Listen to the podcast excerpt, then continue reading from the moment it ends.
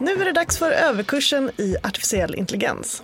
Det vill säga hela Ennas intervju med Ann Håkansson som är professor i datavetenskap med fokus på artificiell intelligens vid universitetet i Tromsö och docent inom samma ämne på KTH. A-kursen i AI publicerade vi i måndags så en del av svaren kommer du kanske känna igen från det avsnittet. Det är ju jättesvårt att sätta rätt gränser. Men jag tror att AI-tekniken i sig inte farlig. Men applikationerna, det är där man måste gå in och se över så att de görs på ett korrekt sätt.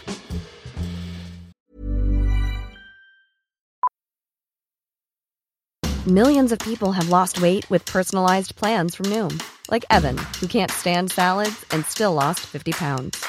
Salads generally for most people are the easy button, right? For me, that wasn't an option. I never really was a salad guy. That's just not who I am. But Noom worked for me. Get your personalized plan today at Noom.com. Real Noom user compensated to provide their story. In four weeks, the typical Noom user can expect to lose one to two pounds per week. Individual results may vary. Burrow's furniture is built for the way you live.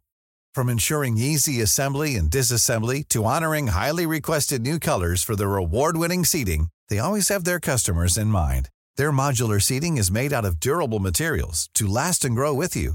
And with Burrow, you always get fast, free shipping. Get up to 60% off during Burrow's Memorial Day sale at burrow.com slash ACAST. That's burrow.com slash ACAST.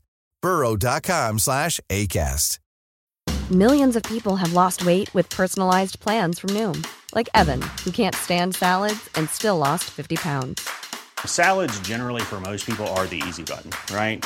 For me, that wasn't an option. I never really was a salad guy. That's just not who I am. But Noom worked for me. Get your personalized plan today at Noom.com. Real Noom user compensated to provide their story. In four weeks, the typical Noom user can expect to lose one to two pounds per week. Individual results may vary.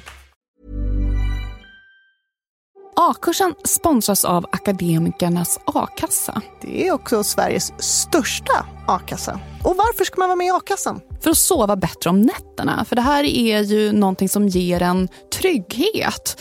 Man står inte helt utan pengar om man då skulle bli av med arbetet. Och det är ju jättetråkigt att bli av med jobbet men det blir ju mindre tråkigt om man har safeat upp lite och betalat in 130 kronor i månaden till Akademikernas a-kassa så att man ändå kan få ut upp till 26 400 kronor i månaden. Och om man inte blir av med jobbet så kan man ju vara glad att man bidrar till trygghet för någon annan som förlorar jobbet. Ja, och om man byter jobb då behöver man ju inte heller byta a-kassa just för att det handlar ju inte om exakt vad man sysslar med utan det handlar ju om huruvida man är akademiker eller inte. Och det är vi hela livet. Verkligen, det är vi ju redan som studenter och även studenter är välkomna att bli medlemmar om man har som mål att ha minst 180 högskolepoäng. Så gå in på akademikernasakassa.se a-kursen i ett ord och bli medlem redan idag. Och tryggare kan inga vara än vi medlemmar och Guds lilla barnaskara. Ni två. Mm. Jag tror barnaskaran är större och medlemmarna med. Tusen tack Akademikernas a-kassa för att ni sponsrar A-kursen. Vad innefattar egentligen begreppet artificiell intelligens? Om man tittar på begreppet så är det flera olika tekniker som man använder för att utföra en uppgift.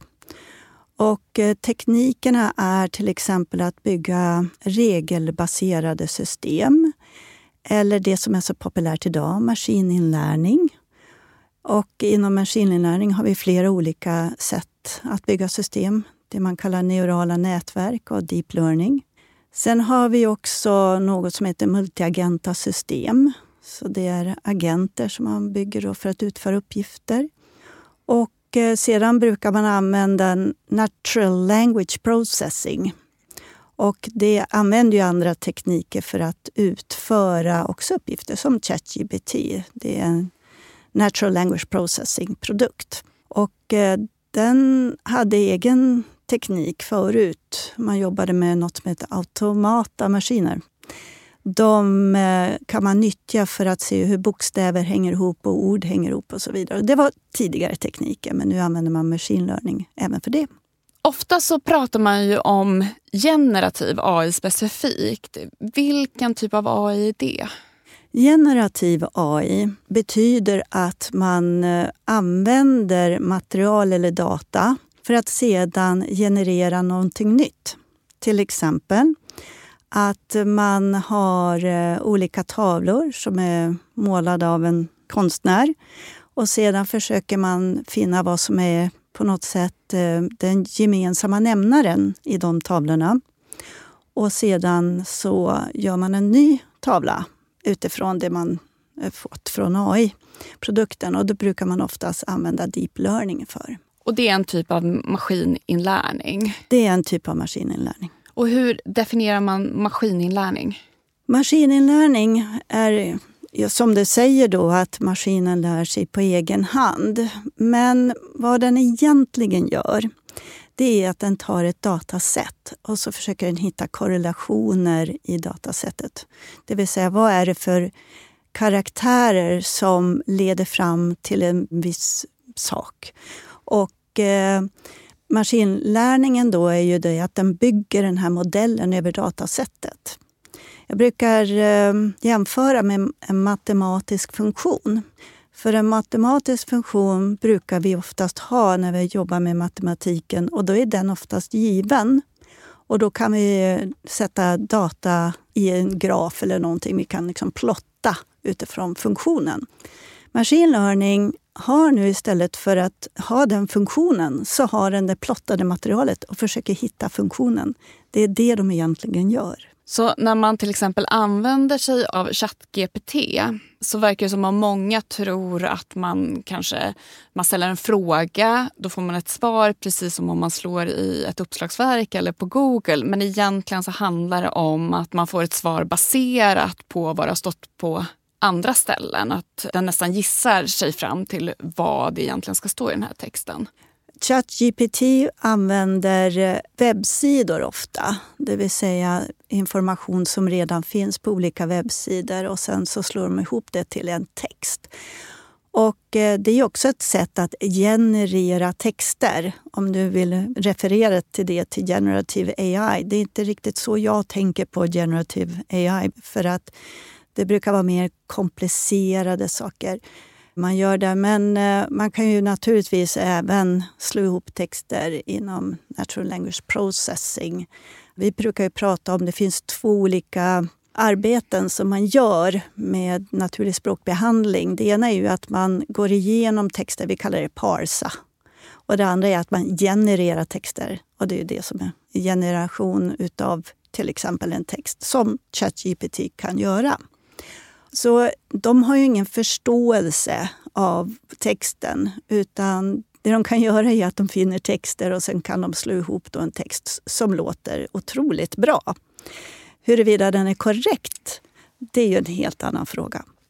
Och deep learning, vad är då det?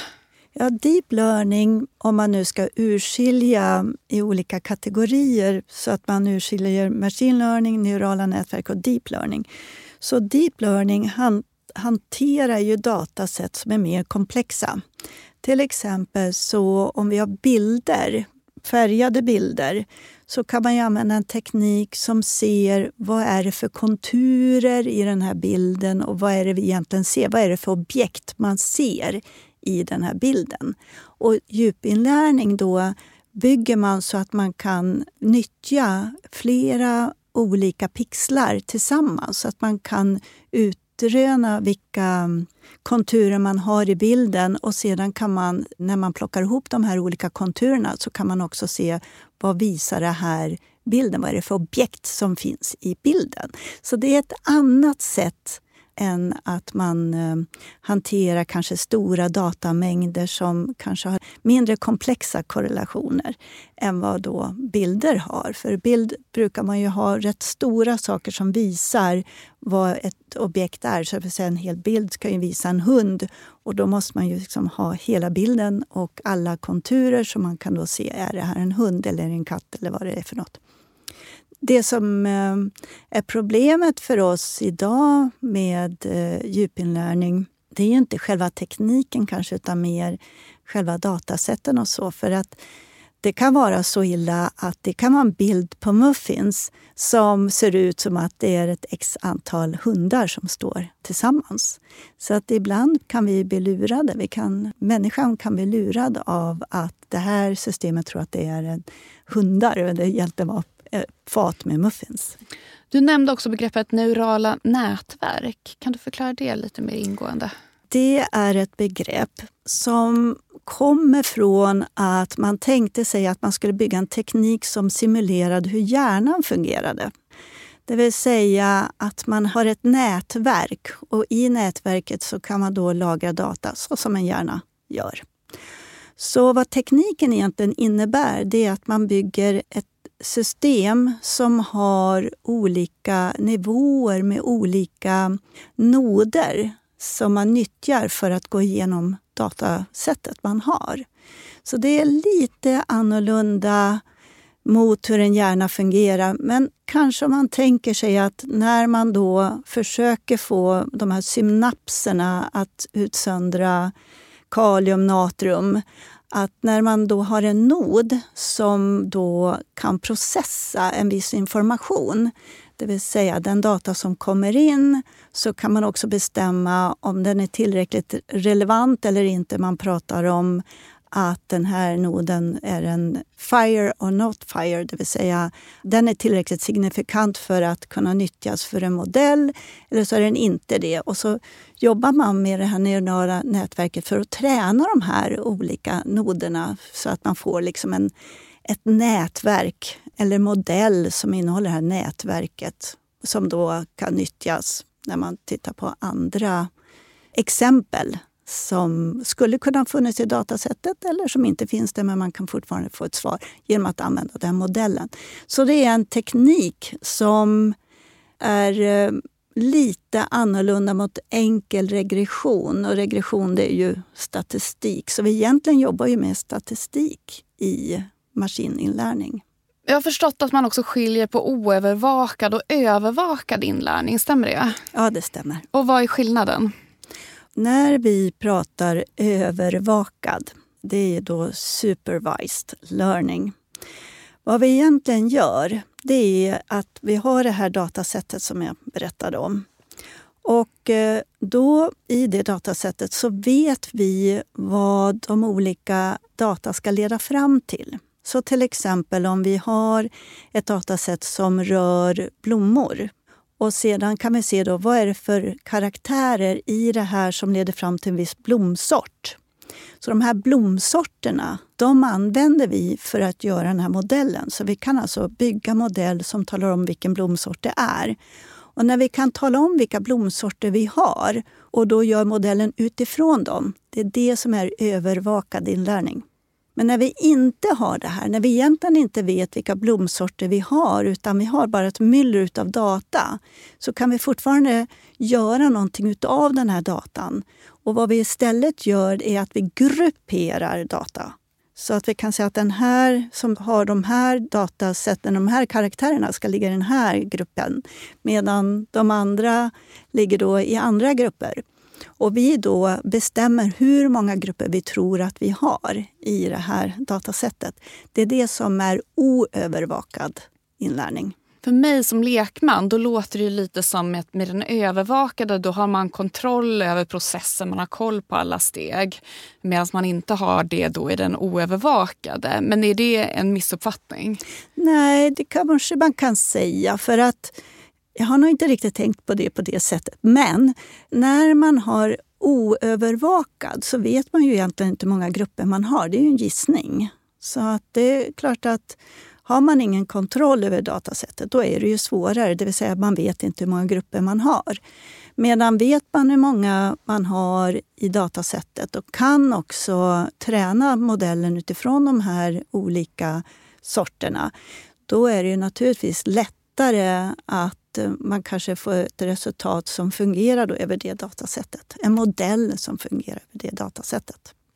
Du var ju inne på det här med att man försöker efterlikna den mänskliga hjärnan. Och Det är ju också någonting som ibland lyfts när man pratar om AI, huruvida maskiner kommer kunna få den typ av generella intelligens som människor har. Vad säger du angående den diskussionen? Oj, det är en jättesvår fråga att besvara. Kommer de att kunna vara generella tillräckligt mycket för att kunna säga att de har en generell intelligens? Ja, för egen del så tror jag att det är svårt att få till ett bra generellt AI. Men å andra sidan så har ju många lyckats bygga så otroligt mycket bra under de här åren. Man trodde ju inte att det aldrig skulle, det skulle ju aldrig hända. Man skulle ha en bil och that's it. Man skulle inte ha några begagnade bilar. Det var ju så det började till exempel. Eller att man skulle ha en dator och det var det. Det var inte så att var och en skulle ha den i sin hand. Och så går vi nu fram till AI och så säger vi, kan vi göra generell AI? Och eh, frågan är kanske, blir det en reell generell AI? Eller blir det en simulerad generell AI? Det kan ju vara två olika frågor. Hur tänker du då? Vad är det för skillnad? Jag tänker mig att simulerad generell AI, då kan man ju som naturlig språkbehandling, man kan ju tro att det här systemet förstår i grund och botten vad det handlar om. Men det gör den ju inte. Men den simulerar ju ett sätt att hantera text. Så den kan ju hantera text, men den gör kanske inte det som en människa gör riktigt. Och det är väl det som är kanske den skillnaden mellan reell, hur en människa skulle göra, versus hur maskin gör det. Så att det kanske är mer maskinhanterad generell AI. Om man säger så. För en av de här rädslorna som finns det är ju att vi ska skapa en sorts maskin som blir mer intelligent än människan och att det här kan leda till förödande konsekvenser för mänskligheten. Att människan kan bli förslavad eller till och med utrotad. Men det är inte riktigt där vi är idag. Nej, det är vi ju inte. Definitivt inte. Eh, och Eh, är det faktiskt en mängd tekniker som man kan nyttja för att göra någonting bra. Att se fler mönster som vi människor kanske inte har tänkt på. Att det är det som är styrkan hos AI. Sen kan man naturligtvis bygga in den i robotar eller vapen och så vidare. Och då får man ju ett problem naturligtvis så är man rädd för så kallade intelligenta vapen. Ja, då är klart att då är det förödande. Men ska man vara rädd för AI som en produkt som kan förstöra för människan bara som en teknik, då är det ju inte där det ligger, utan det är ju mer på applikationsnivå. Vad gör man med AI? Det är det som kan bli förödande. Sen finns det ju också psykologiska faktorer bakom vad man kan göra med ett AI-system och som kan få förödande konsekvenser för människor. Till exempel att man bygger AI som på något sätt hela tiden bryter ner människor till en sådan nivå att de tycker att det är för jobbigt att klara av sin verksamhet eller sin miljö idag. Så att det är klart att där kan man ju också gå in med AI-system. Men då är det ju återigen inte själva tekniken, men det är ju användningsområdena som är knepiga att hantera. Och det är ju någonting som vi måste alltid fundera på när man bygger ett system. Oavsett vilket system man bygger så är det just konsekvenserna av systemet som ändå man måste ta ansvar för. På vem ligger det här ansvaret? Är det på de som utvecklar AI eller behövs det mer liksom generella regelverk? Jag vet att man håller på att ta fram sånt inom EU nu. Vad tänker du?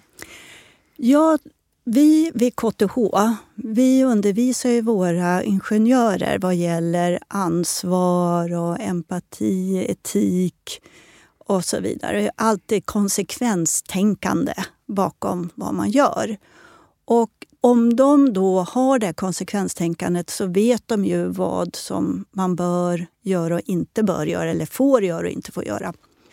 Så det egentligen ligger det då på studenterna när de kommer ut i arbetslivet att alltid tänka på att man bygger system som ändå hjälper till i verksamheten och inte förstör. Så om man är då en person som bygger eller utvecklar ett system då tycker jag ansvaret ligger på den personen. Så att vi har ju ett personligt ansvar. Och det har vi egentligen redan nu. Det finns ju gränser för vad man får göra och inte göra. Men sen är det ju också företagen som då utvecklar system med AI-produkter. De har ju också ett ansvar för sina produkter. Så att ansvaret kommer ju ligga på olika nivåer hos olika aktörer beroende på vad systemet gör eller vad man har utvecklat. Vad tänker du om politisk reglering? Ja, det är klart att man kan tänka sig att det kan finnas politisk reglering. Det är det de vill nu i USA, att man vill reglera verksamheten. Och eh, frågan är då på vilket sätt man skulle kunna reglera det från politiskt håll. Att eh, överhuvudtaget eh, ta bort alla möjligheter att utveckla system, det tror jag är fel väg att gå. Därför att om politikerna i Sverige kräver att vi överhuvudtaget inte får använda AI eller utveckla AI-produkter så ska man ju veta eller ha i åtanke att det finns ju andra länder som kommer att fortsätta att utveckla system. Så jag tror inte att det är rätt väg att gå. Om du får eh, framtidsspana lite och spekulera, vilka tror du blir de största konsekvenserna som AI kommer ha på samhället? Det som vi har sett hittills, och det är ju ett problem med AI, det är att ibland har man för stor tillförlitlighet vad gäller resultat utav ett AI-system. Så om man använder ett system, till exempel i sjukvården, som då rekommenderar en högre dos än vad som egentligen skulle ges till en patient till exempel så tenderar man att lita för mycket på systemet och inte på sina egna kunskaper. Och det tror jag är ett problem, att eh, vi för ofta förlitar oss på resultat från olika system. Det gäller inte bara AI-system, men det tror jag är en stor konsekvens som blir allt större i och med att vi förenklar våra arbetsuppgifter med hjälp av AI. Så det finns en sorts övertro på att maskinerna ska ge oss något liksom objektivt sant eller helt objektivt svar? Ja, vi tror väl att eh, systemen har mer information och är därför mer korrekta än vad människor har. Och kanske också att man är, litar för mycket på resultaten för att ett system kan ju gå igenom miljarder av dokument. Det kan ju inte en människa göra. Man har ju en begränsad tid. Och eh, av den anledningen så är datasystemet kan ju hitta mycket information. Men det säger ju inte att det är korrekt. Det kan ju vara fullständigt felaktigt, den information de får från ett datasystem. Men ändå så har vi ju sett att det finns en övertro vad gäller AI-systemen och resultaten man får från AI-systemen. Och vad är lösningen på det? Är det att människor lär sig att det finns bias i data eller att det finns problem med de här modellerna? Eller är det att utveckla bättre system? Vi måste bli bättre på att utveckla system som vi kan verifiera korrekthet i. Därför att för varje människa måste ju ändå bedöma innehållet i ett AI-system. Och det kan vara svårt om man inte själv är erfaren inom området eller har konkret kunskap inom området. Selling a little or a lot? Shopify helps you do your thing however you cha-ching. Shopify is the global commerce platform that helps you sell at every stage of your business. From the launch your online shop stage to the first real life store stage, all the way to the did we just hit a million orders stage. Shopify is there to help you grow. Shopify helps you turn browsers into buyers with the internet's best converting checkout. 36% better on average compared to other leading commerce platforms because businesses that grow grow with Shopify. Get a $1 per month trial period at shopify.com/work. shopify.com/work.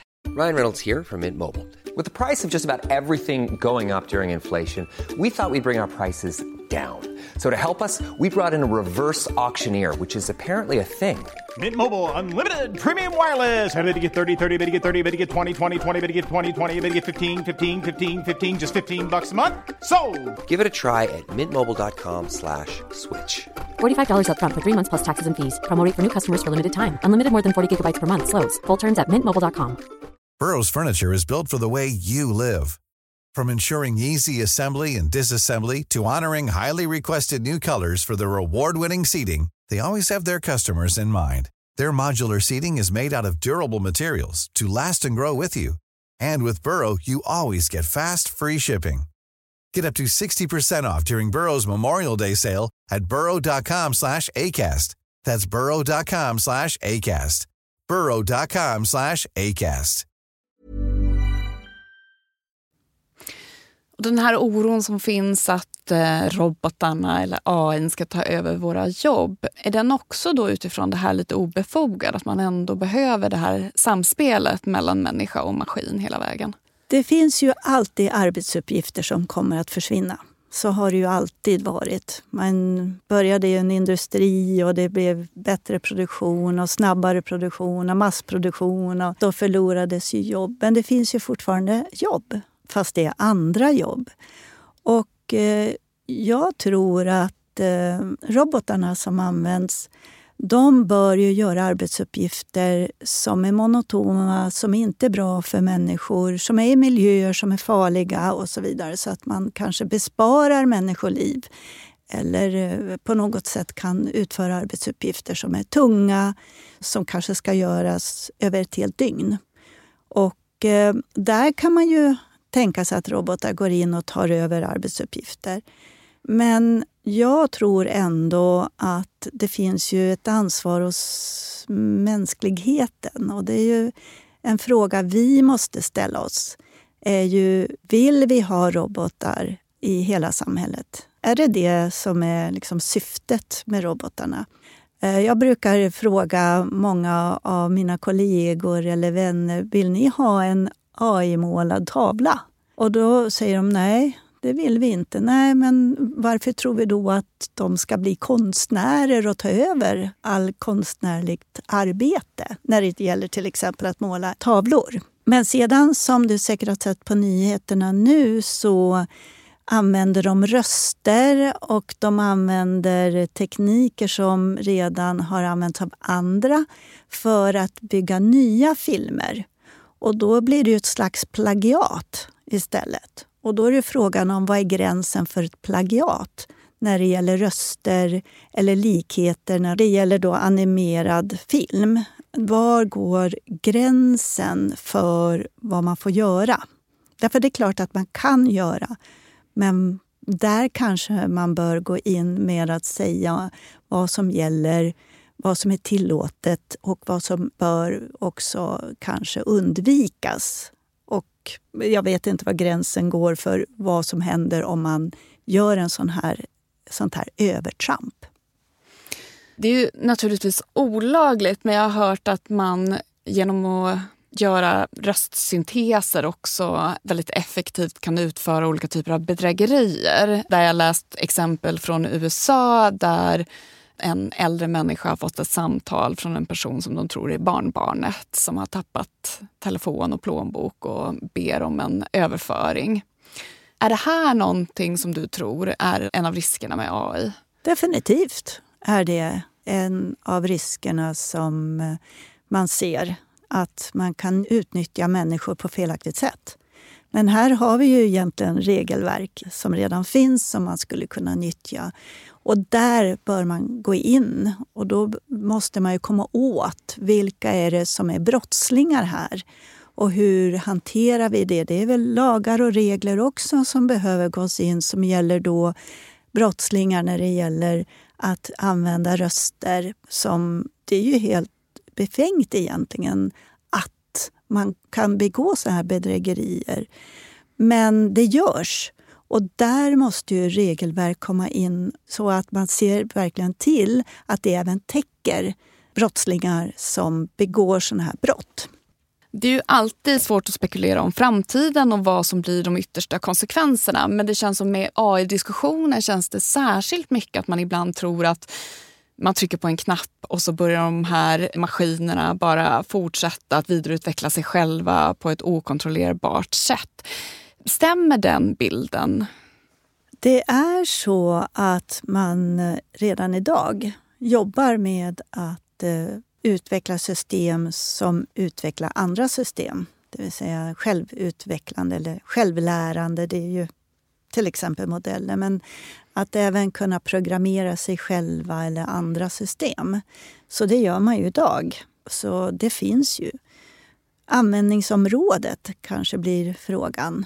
Vad är det man ska använda de här till och vad är det de kommer att användas till? Och det är kanske där man behöver återigen se över inom vilka gränser ska sådana här system få agera på egen hand.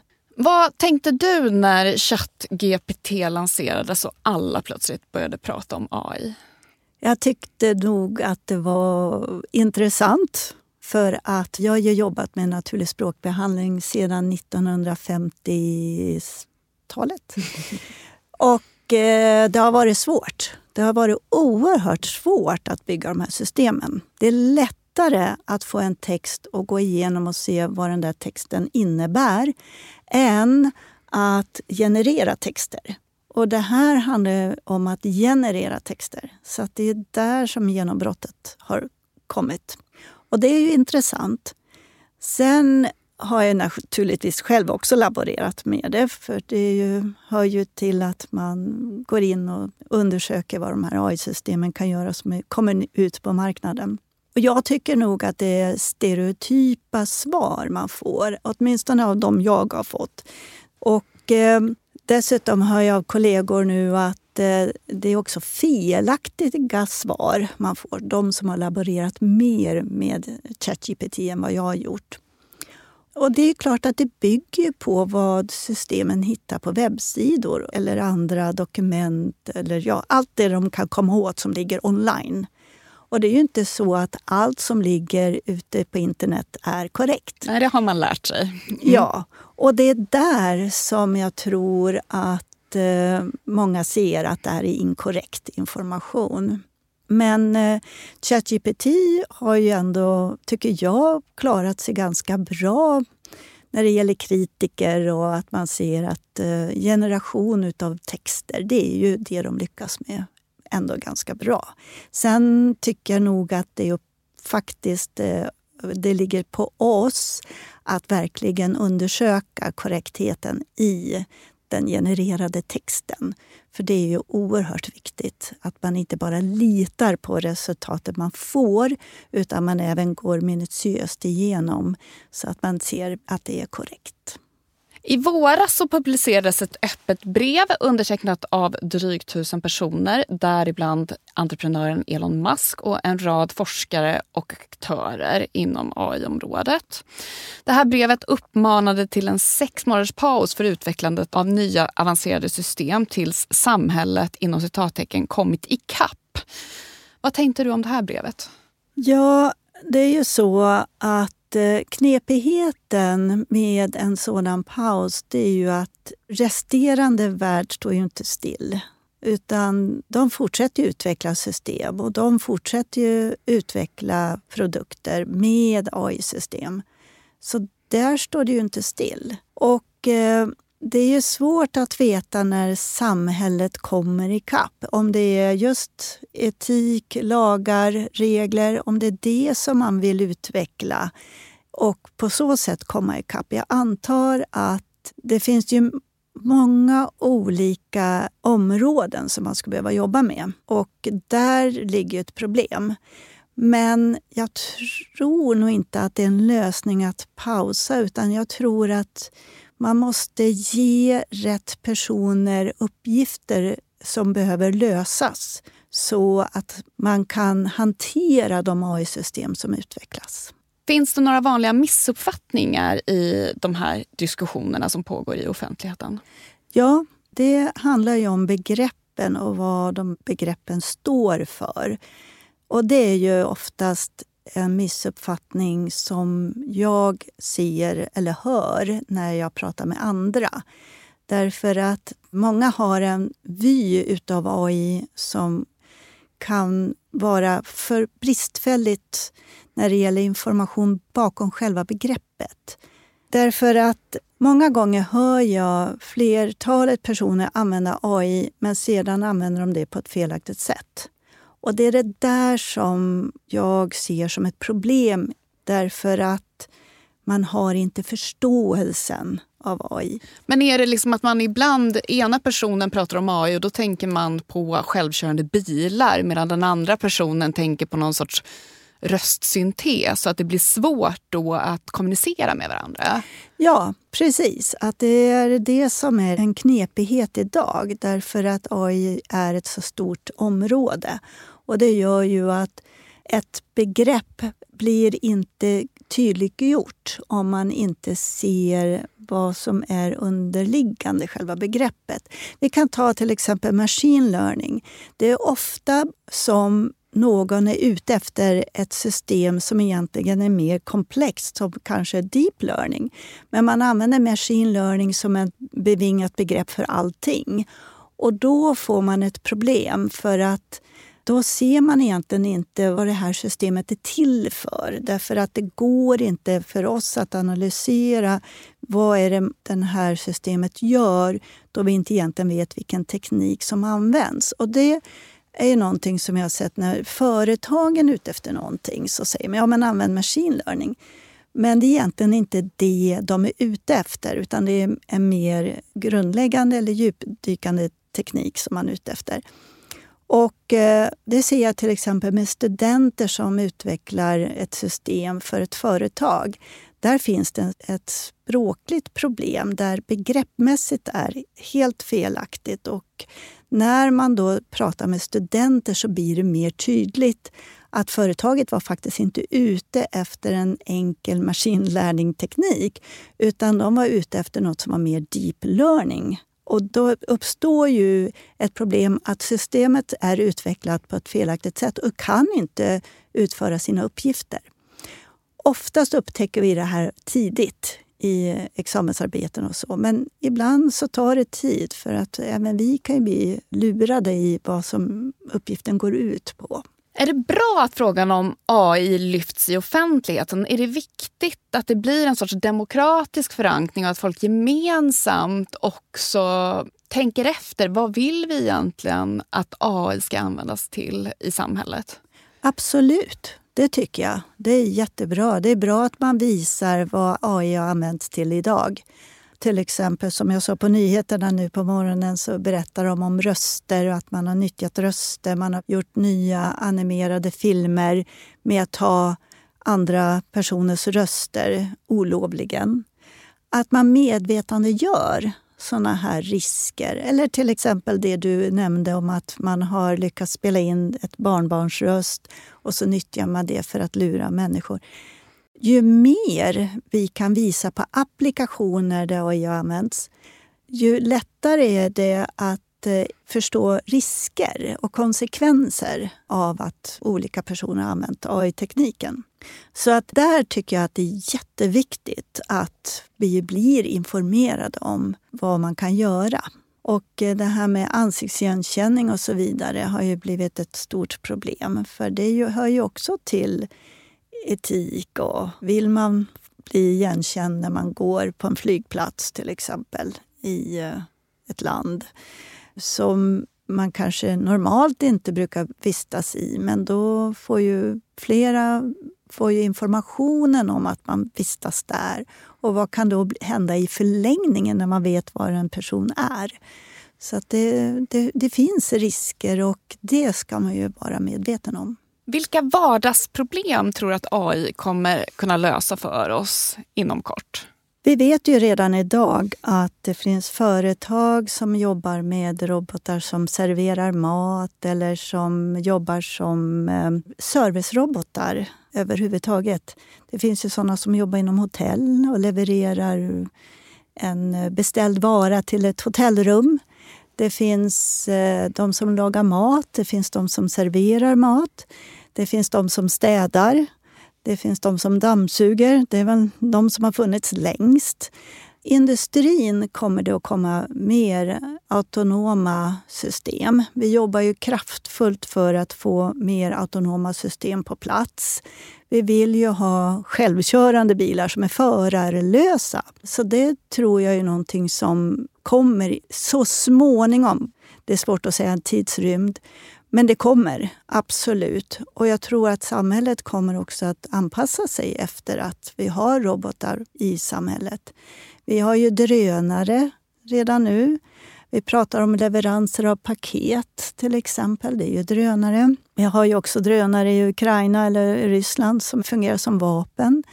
Så att vi har ju många av de här robotarna redan i samhället som på gott och ont naturligtvis. Som både hjälper oss men också skälper oss. Eh, speciellt då eh, när det gäller kriget. Men jag anser att eh, robotik är någonting som kommer mer av. Men också digitala AI-system kommer vi att se mer av. Vi har då den här naturliga språkbehandlingsprodukten ChatGPT. Jag tänker mig att det blir mer av den varan. Det kommer att bli bättre förfinade verktyg framöver. Men vi har också analyserande av videon som inte man har lyckats kanske få fram hittills. Men att vi jobbar ju med att analysera innehåll i videon. Tidigare har man ju analyserat bilder för sig, men nu är det ju mer videoanalyser och det kan man göra väldigt mycket med. Till exempel kan man hitta cancer i tarmar och så vidare. Så där finns det ju en hel del som man kan jobba med. Där finns det ju då en hel del som kommer till samhället. Och eh, där tror jag också att vi kommer få hjälp inom olika sektorer. Och vi kan se hur vi kan förbättra förbättra miljöer men också hur vi kan upptäcka problem som finns i samhället men även i hälsa, sjukvård, transport och så vidare. I alla sektorer skulle jag vilja säga. Det finns ju vissa som är rädda för AI. Är det någonting som återkommer när det kommer till nya liksom, tekniska landvinningar? att Det också följs av en oro? Definitivt. För att inte förrän vi riktigt vet vad resultaten blir utav att en ny teknik införs så finns det en stor rädsla för vad som kommer att hända med till exempel arbetstillfällen. Och det har man ju sett med den industriella revolutionen. Och den har ju genomgått flera förvandlingar och nu pratar vi om Industri 4.0 som snart blir 5.0. Men där, där har vi ju sett att vi tar in fler robotar som också kan utföra arbetsuppgifter autonomt. Och eh, det är klart att för varje omvälvande förändring så finns det rädsla för att tekniken tar över samhället, jobben, olika verksamheter. Så att definitivt finns det rädslor. Är de befogade? Det är väl en annan fråga. Och eh, Tidigare har vi ju sett att eh, trots att vi har haft en omvälvande förändring i samhället så har vi sett en evolution av andra arbetsuppgifter. Så att rädslan har väl kanske ändrats till någonting som är mer arbetsmöjligheter, att det ger arbetsmöjligheter istället. Och jag tror också att AI ger ju arbetsmöjligheter. Arbetsuppgifter som man kanske inte har tänkt på kan ju faktiskt blomstra i och med att man får in en teknik. Jag vet inte om du har sett den här bilden när man har hästar som är i New York och sen så bara tio år senare så är det bara bilar. Så att det är hästar och en bil och sen är det bara bilar och en häst. Och det var ju också en oro för att bilarna kom in och så vidare. Men sen såg man ju att man kunde transportera sig längre och eh, att man kunde ta sig fram fortare och så vidare. Så det finns ju fördelar också med det här. Och eh, nya bilar gav ju också arbetstillfällen. Så att det var ju flera som behövde jobba med att konstruera bilar. Och det är ju fortfarande en jättestor industri. Så AI-teknik då som man bygger in i antingen applikationer eller man bygger in i mekaniska produkter. Det är klart att det kommer ju generera arbetstillfällen. Så kanske att eh, det vore bra om vi har flera som är kunniga inom AI som skulle kunna arbeta med det. Tack Ann Håkansson för att du ville gästa vår podd och tack för att just du har lyssnat. Det här avsnittet spelades in på Beppo och snart är Emma Frans och jag, Klara Wallin, tillbaka med en ny A-kurs och överkurs. Nästa vecka kommer Sveriges riksbanks pris i ekonomisk vetenskap till Alfred Nobels minne tillkännages. Och av den anledningen dyker vi ner i ekonomins värld och tar reda på om det verkligen kan räknas som vetenskap. Prenumerera gärna på den här podden i din poddapp så får du en notifikation när avsnitten kommer ut. Hej då!